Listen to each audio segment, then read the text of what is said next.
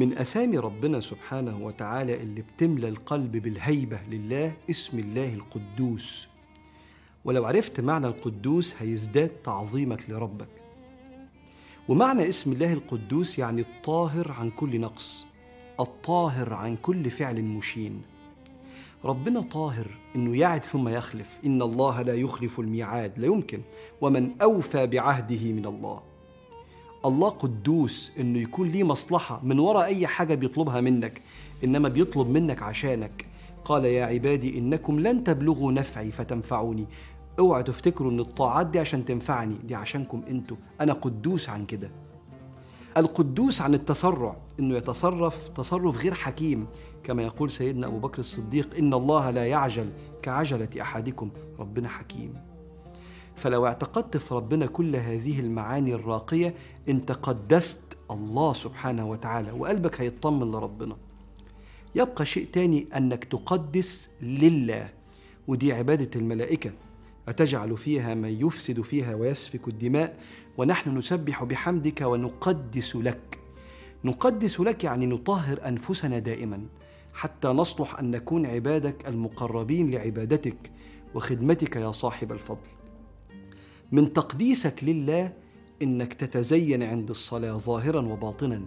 يا بني آدم خذوا زينتكم عند كل مسجد يعني عند كل صلاة.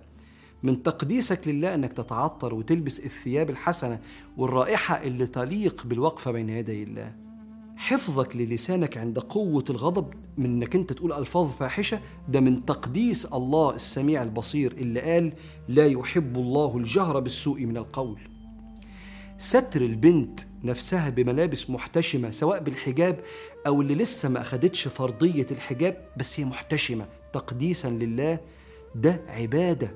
لما ربنا قال يا بني آدم قد أنزلنا عليكم لباسا يواري سوآتكم وريشا ولباس التقوى ذلك خير. أقول لك أثناء حدة النقاش والجدال الله مطلع عليك لما نفسك أدركت أنك أنت غلط من أول النقاش. من تقديسك لله أنك تتراجع وتعترف بخطأك لأنك عالم أن ربنا يعلم اللي جواك. ولما اضطرب قلبك كده أهو لما اتزنقت أنت عارف أنت ما كذبتش ليه وقلت الصدق ودفعت ثمنه؟ لأنك عارف إن ربنا مطلع عليك ويعلم السر وأخفى. أنت تقدس لله أنت تطهر نفسك إنك تكذب وربنا عالم بالحقيقة. هذا تقديس لله سبحانه وتعالى. لما عدت بنت أنت ما بصيتش عليها تقديسا لله لأن ربنا سمى هذا النظر المسروق على النظر الحرام يعني قال يعلم خائنة الأعين وما تخفي الصدور فأنت قدست لله وغضيت بصرك. ولو غلطت ونظرت من تقديسك لله التوبة تطهيرا لقلبك بين يدي الله من أثر هذه النظرة.